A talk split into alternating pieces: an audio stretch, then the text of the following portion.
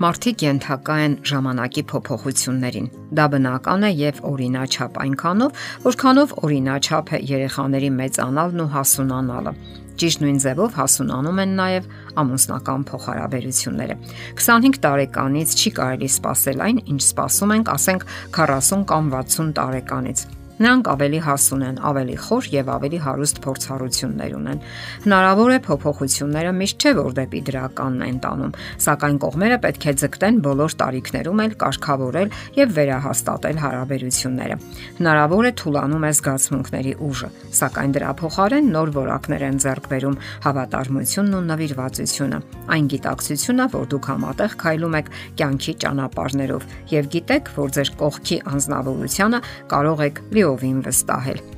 մի որակը սովորաբար փոխարինվում է մեկ այլ որակով։ Հայկական իրականության մեջ ստացվել է այնպես, որ որոշակի տարիքից հետո ամուսինները միանգամայն բնական են ընդունում հարաբերությունների սառնությունը, եթե ոչ անտարբերությունը, եւ 50-ից, եթե ոչ 40-ից հետո ոչ թե թուլանում է, այլ պարզապես անհետանում է զգացմունքների ուժգնությունը։ Շատ զույգեր են խոստովանում, որ մարել է կամ թուլացել է անգամ սեռական հարաբերությունների հանդեպ հետաքրքրությունը։ Լավագույն դեպքում դեպքում այն դարձել է ամուսնական պարտականություն առանց հույզերի մեծ ներգրավվածության։ Պարտականությունը որպես այդպիսին անկասկած պետք է լինի, սակայն ցանկալի է որ պահպանվեն նախքին երիտասարդական ավյունն ու կորովը։ Հարաբերությունների մեջ էրոտիկան պահպանելու լավագույն եղանակներից մեկը հարաբերությունները լավագույն վիճակում պահելու եւ ամուսնական կյանքի բարձունքները հաղթահարելու մեջ է։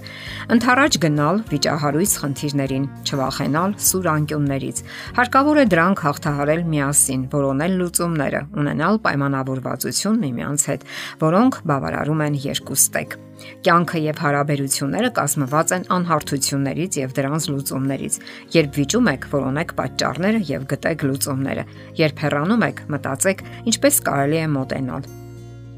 Երբ դուք ներշնչում եք, դրան հաջորդում է արտաշնչումը։ Այդպես պետք է մոտենաք միմյանց թե հոգեբանորեն եւ թե ֆիզիկապես։ Երբ զույգը նոր միայն ամուսնանում է, ամեն ինչ հրաշալի եւ անամպ է թվում։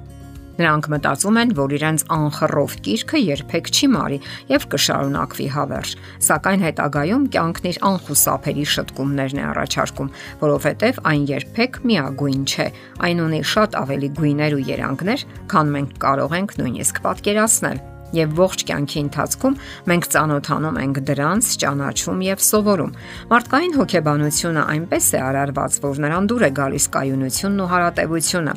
եւ մենք զգտում ենք հենց այդպես կառուցել մեր հարաբերությունները, ամուսնականը հատկապես, եւ պետք է ձգտել այնպիսի հարաբերությունների, որ դրանք զերծ լինեն ճնշումներից եւ բռնությունից։ Հակառակ դեպքում խաթարվում են հարաբերությունները, սիրայինը առավել եւս։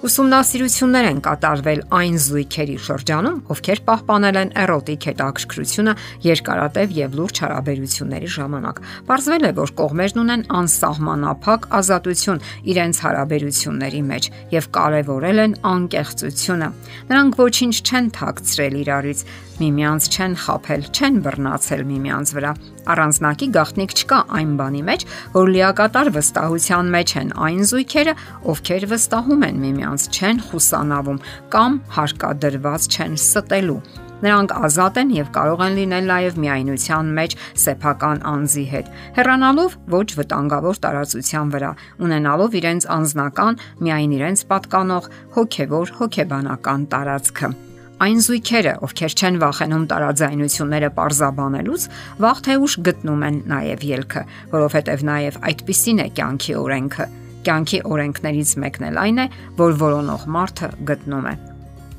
Այն մարդիկ, ովքեր վերլուծում են իրենց հարաբերությունները, անկասկած վեր են հանում այդտեղ քարացած վնասակար միկրոբներն ու նեղացությունը,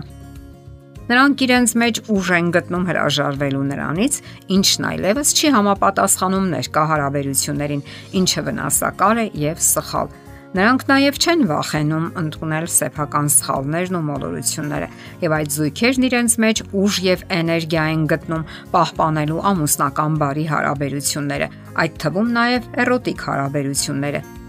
ինչն իր եզակի տեղն ու դերն ունի ամուսնական միության մեջ, եւ դա այն է, ինչը պատկանում է միայն եւ միայն նրանց առանց կողմնակի եւ հետաքրքրասեր հայացքների։ Ավելի հաճախ պետք է կրկնել ես սիրում եմ քեզ նախադասությունը կամ միտքը Երկար տարիների ամուսնական փորձառություն ունեցող զույգերի համար սա գուցե անսովոր հնչի, սակայն ոչ մեկը եւ երբեք դեռ չի հոգնել այս բառերը լսելուց կանայք հատկապես։ Մի վախեցեք ձանձրալի կամ զգացմունքային երևալուց։